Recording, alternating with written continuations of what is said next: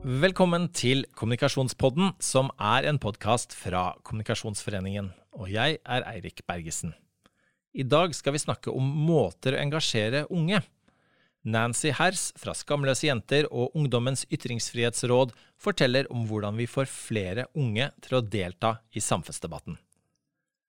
Unge Venstre og Grønn Ungdom står i spissen for klimasaken, det spørsmålet som har appellert mest til unge de siste årene. De kommer for å snakke om hvordan de engasjerer de yngste velgerne fram mot valget til høsten.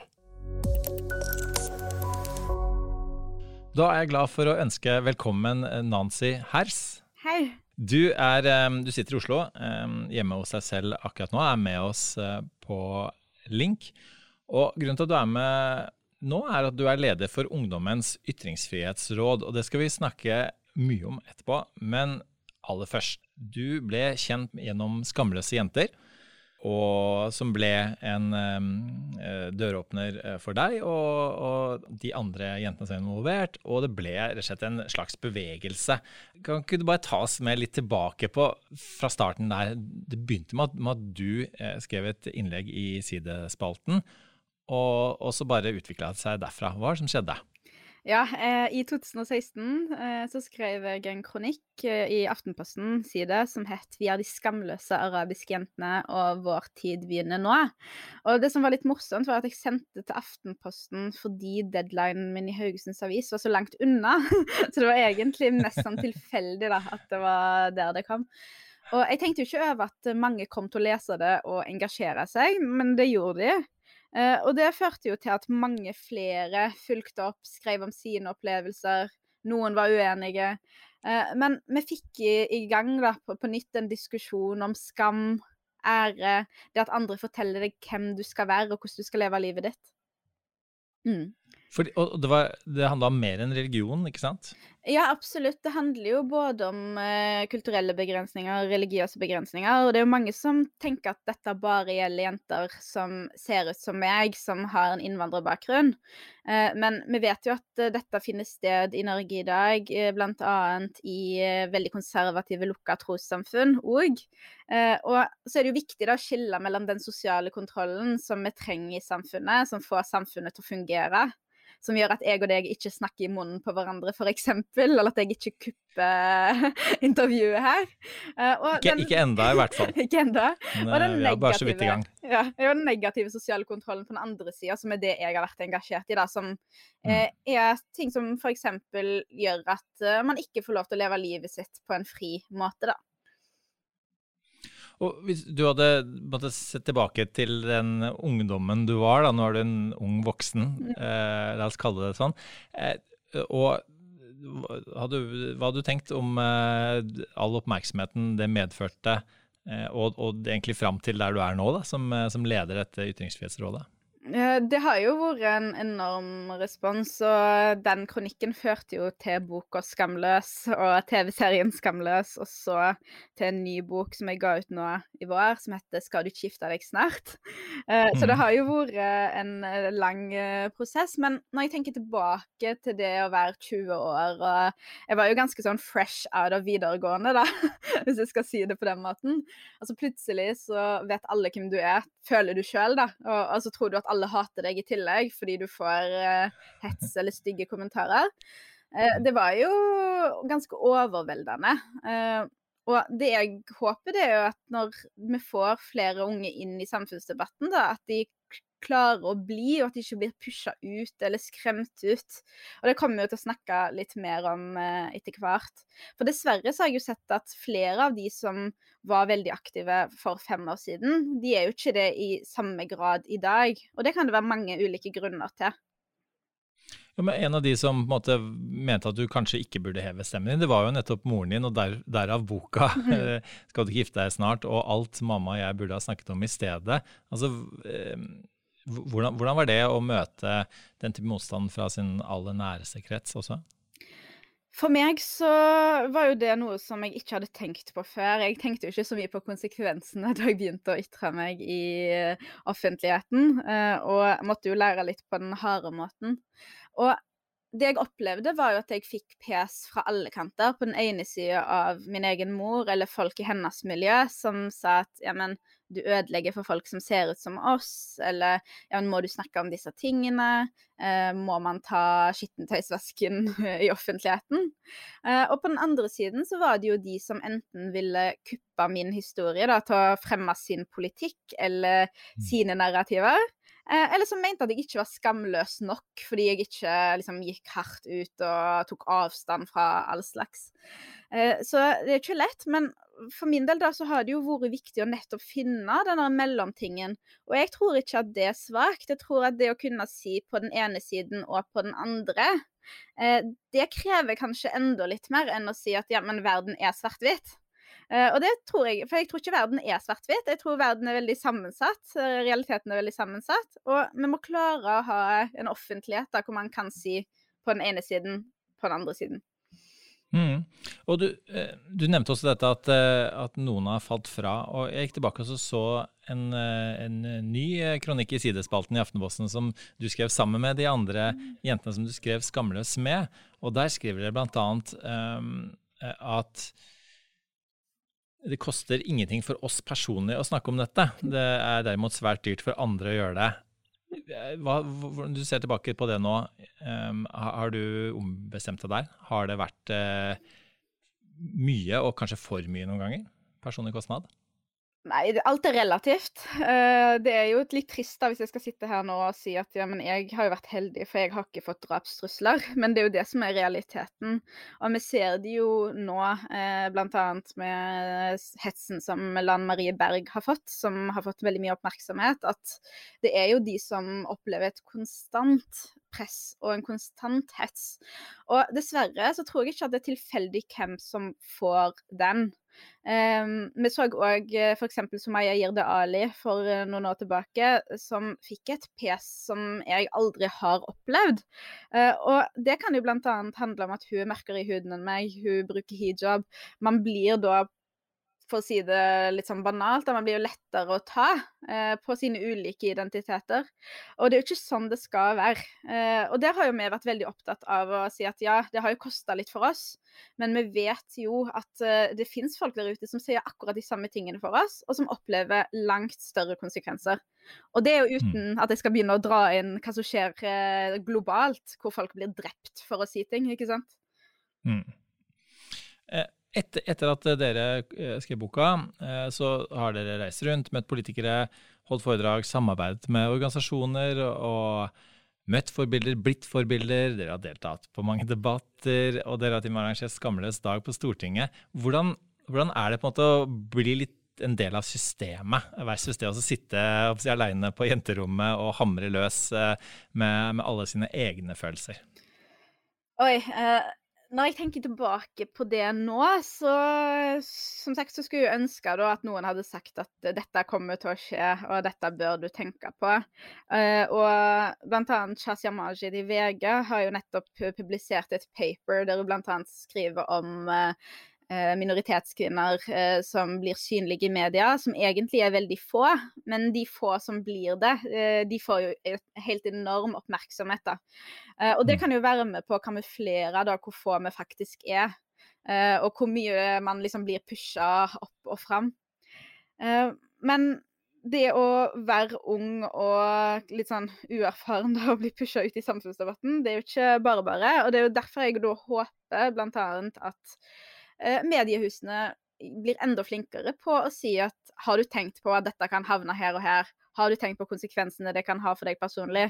Og det, Jeg mener jo ikke at journalister eller folk som, eh, eller redaktører skal bruke all tida si på det, men at uh, man kanskje har en rutine på å gjøre det. Og det tror jeg flere har blitt bedre på. Mm. Nå, nå, leder du Ungdommens ytringsfrihetsråd, og det består da av 18 unge mennesker med mangfoldig bakgrunn. Ja, 16, nesten. det er 16 unge mennesker, selvfølgelig. Ehm, eh, og det er eh, Og det er initiert av eh, Norsk Penn og Fritt Ord. Mm. Ehm, kan du si litt om måte, hvordan er det å, å, lede en sånn gruppe med, med 16 som, som, kanskje da er jeg, litt sånn lik bakgrunn som deg, da, som, som, som har kommet alle fra et sånn personlig ståsted, og så prøve å systematisere eh, dette arbeidet? Mm. Vi leverte jo vår rapport nå i april, og har eh, jobba sammen i nesten et år. Eh, jeg har fått den store gleden av å lede dette prosjektet, hvor vi har diskutert ytringsfriheten for unge og unge voksne i Norge i dag. Eh, og det som jeg syns var veldig interessant, det var jo å se det store mangfoldet av de som da ble valgt til rådet. Vi hadde over 120 søkere. Skulle begrense oss til 15 egentlig. Eh, så ble det 16. Eh, og så er det noe med at vi satt der og møtte folk som vi ellers ikke ville ha møtt i en annen sammenheng, tror jeg.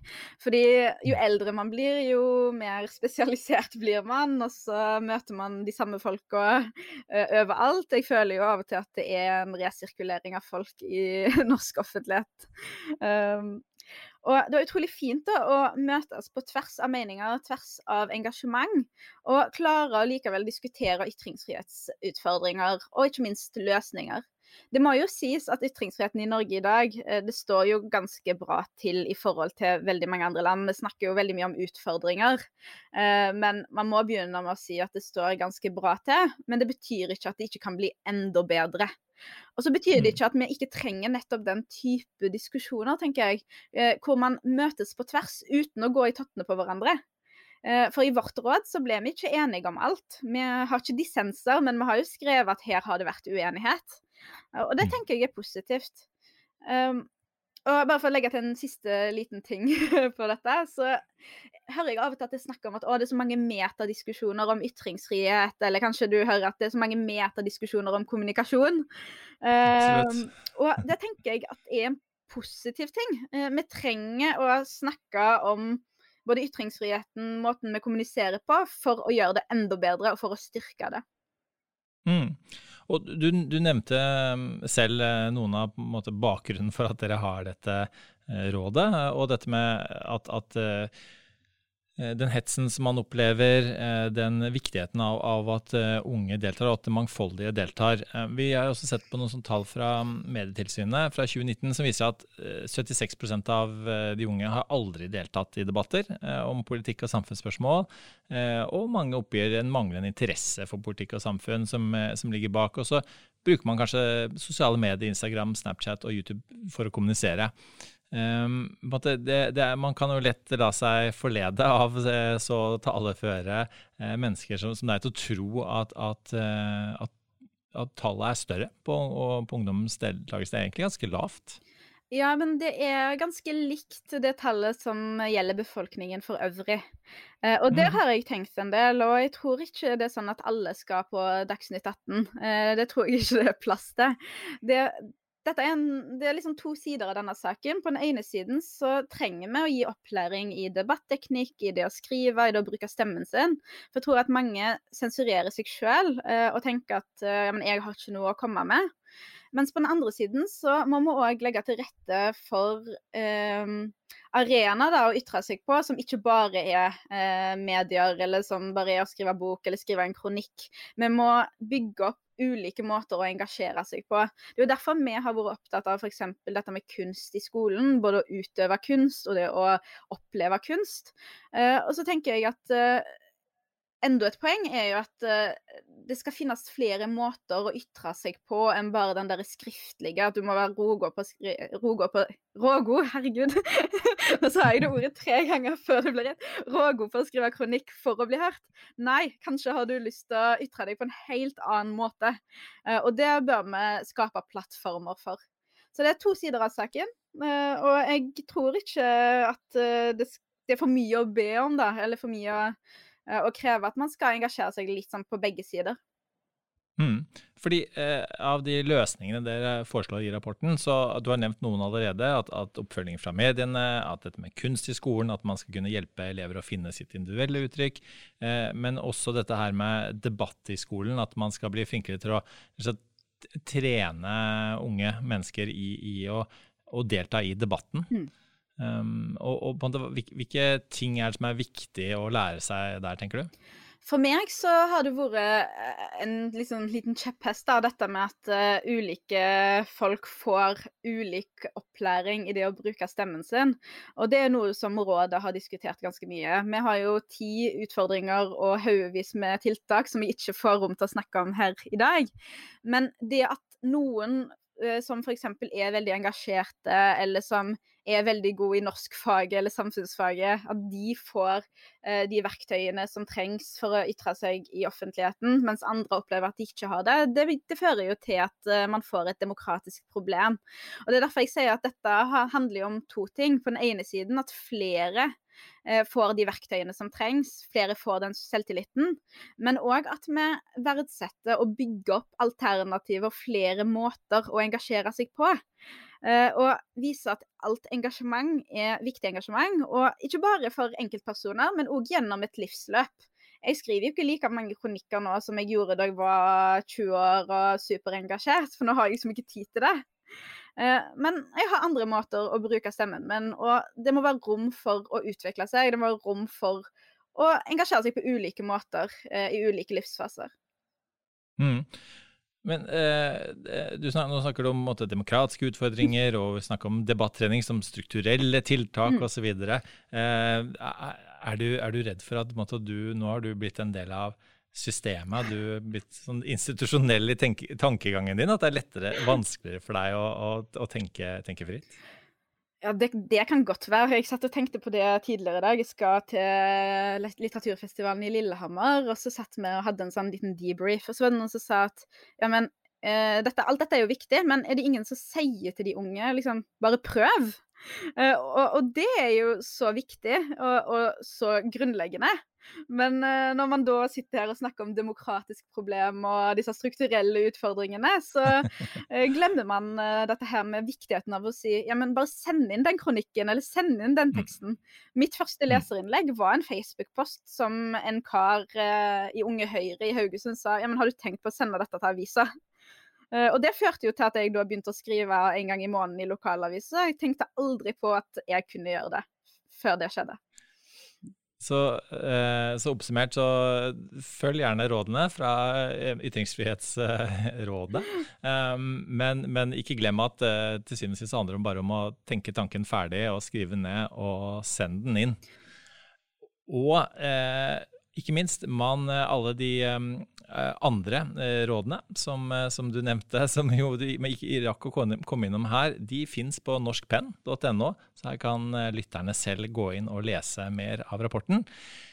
Tusen takk for at du var med oss, Nancy.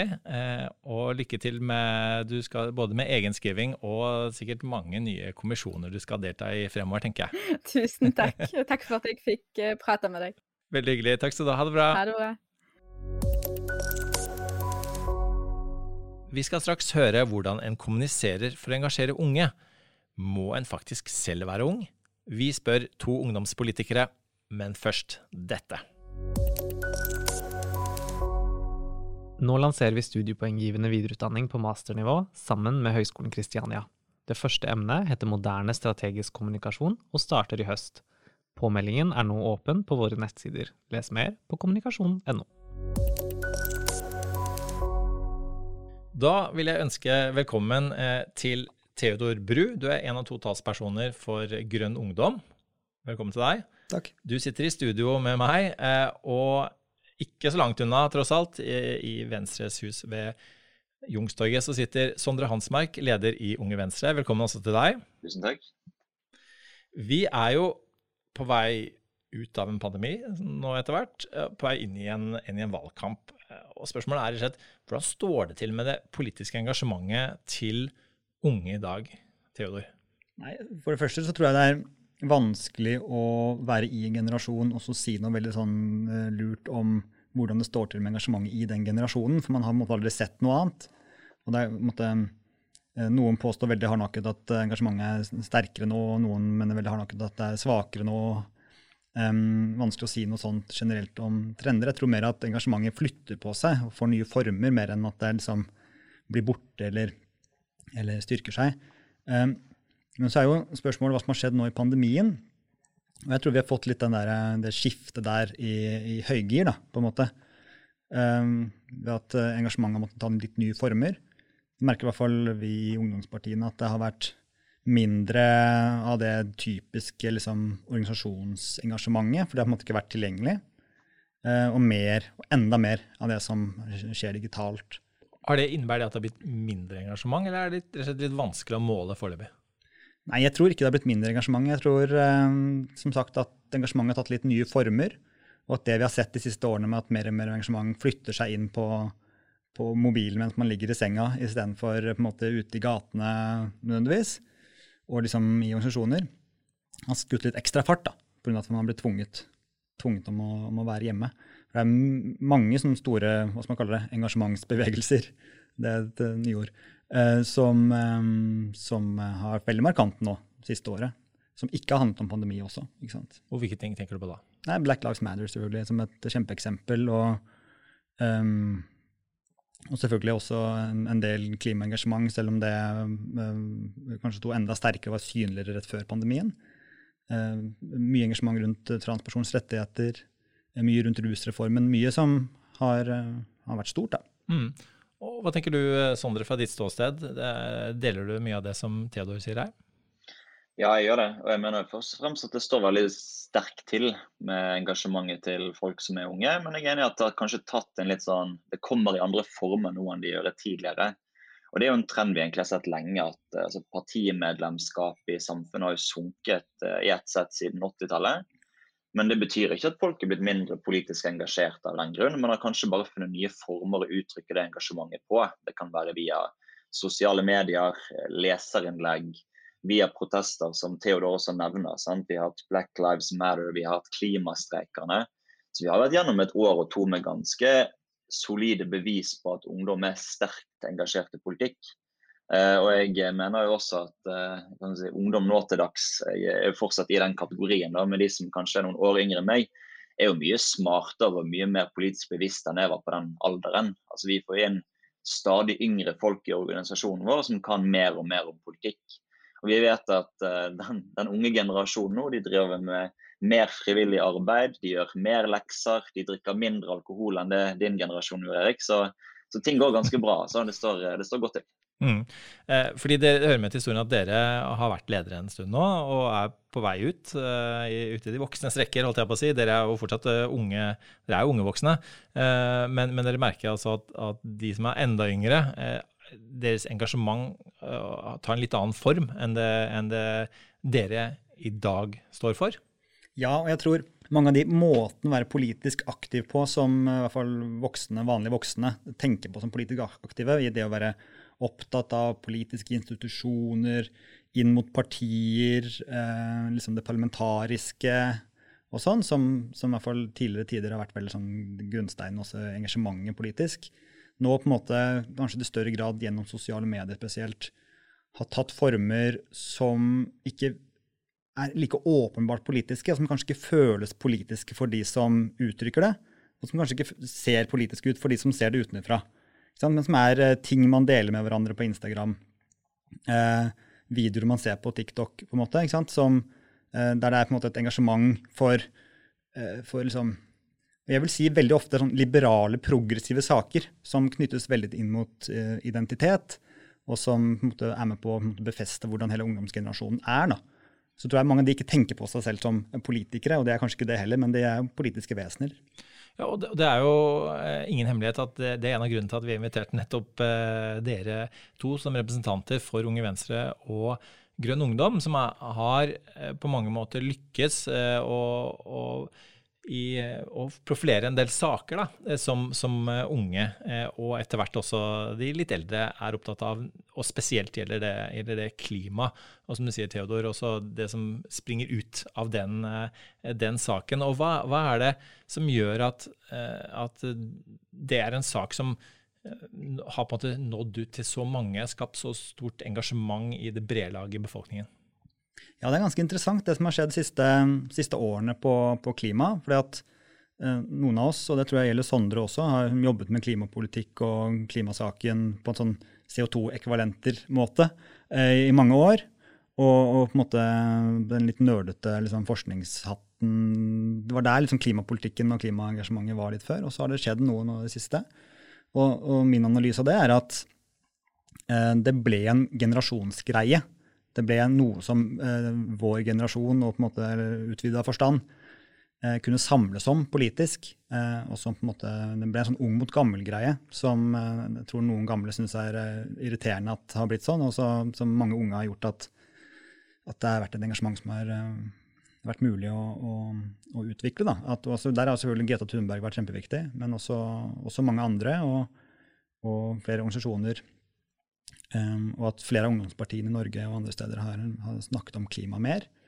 Um, som, og det, det, det har gjort, da, er at uh, klima har blitt en generasjonsgreie, og det har blitt en sånn nesten sånn apolitisk greie.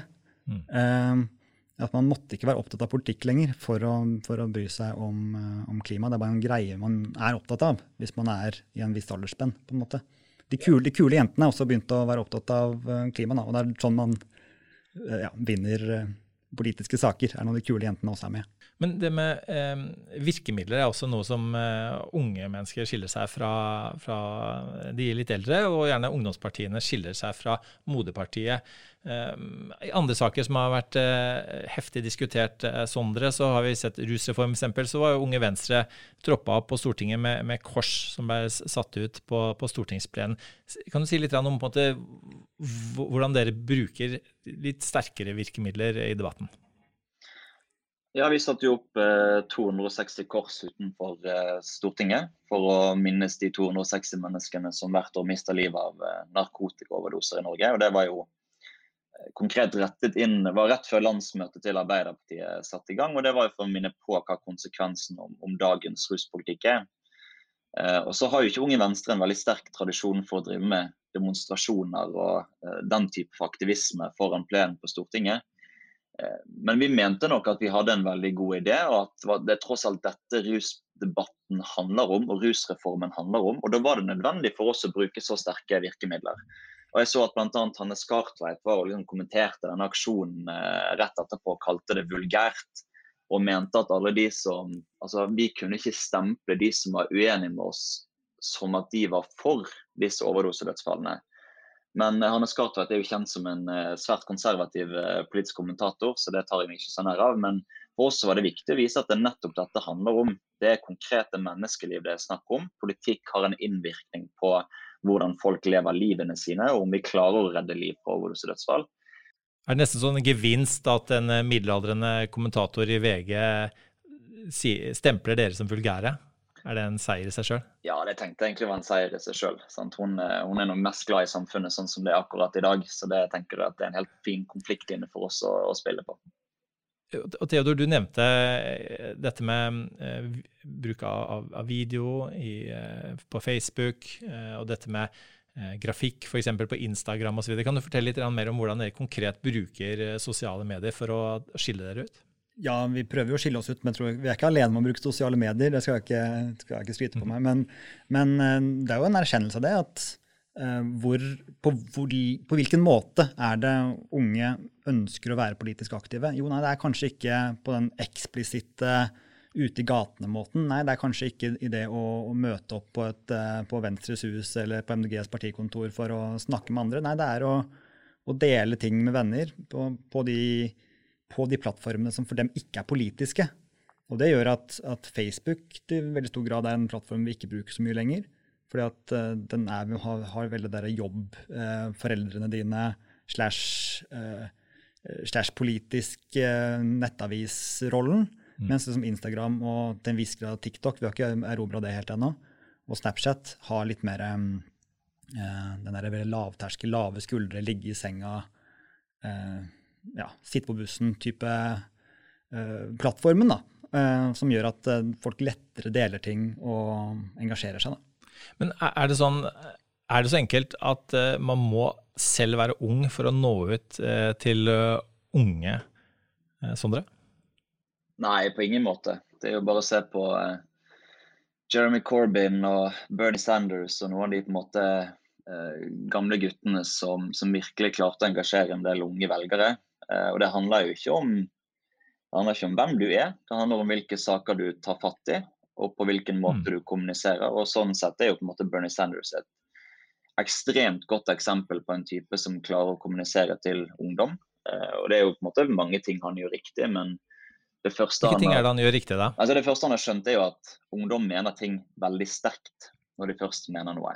Sant? Og søker ofte etter litt sånn radikale løsninger.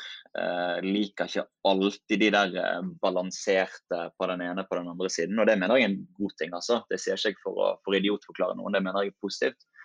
Også det andre han er veldig flink på, er at han, han har et, veld, et, veldig enkelt språk. Eh, Bernie Sanders er liksom ikke sett på som en sånn politiker.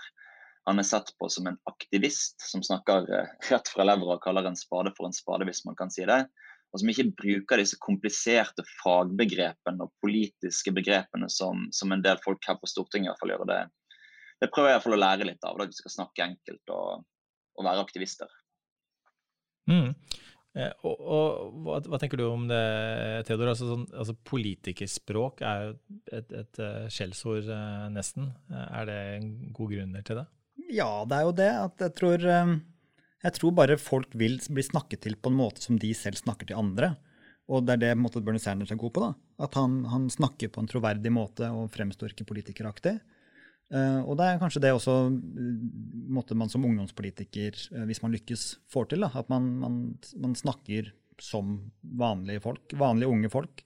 Er det eksempler på andre i norsk samfunnsdebatt som, som får det til, bortsett fra ungdomspartiene? Ja, Det er jo noen som er mer folkelige enn andre, og det er jo nestleder i Venstre som er ganske folkelig av seg og snakker på en måte som ikke alle andre gjør. Måte. Men, eh, eh, og jeg vil, jeg vil, si at eh, til en viss grad også at statsministeren vår er ganske flink på det.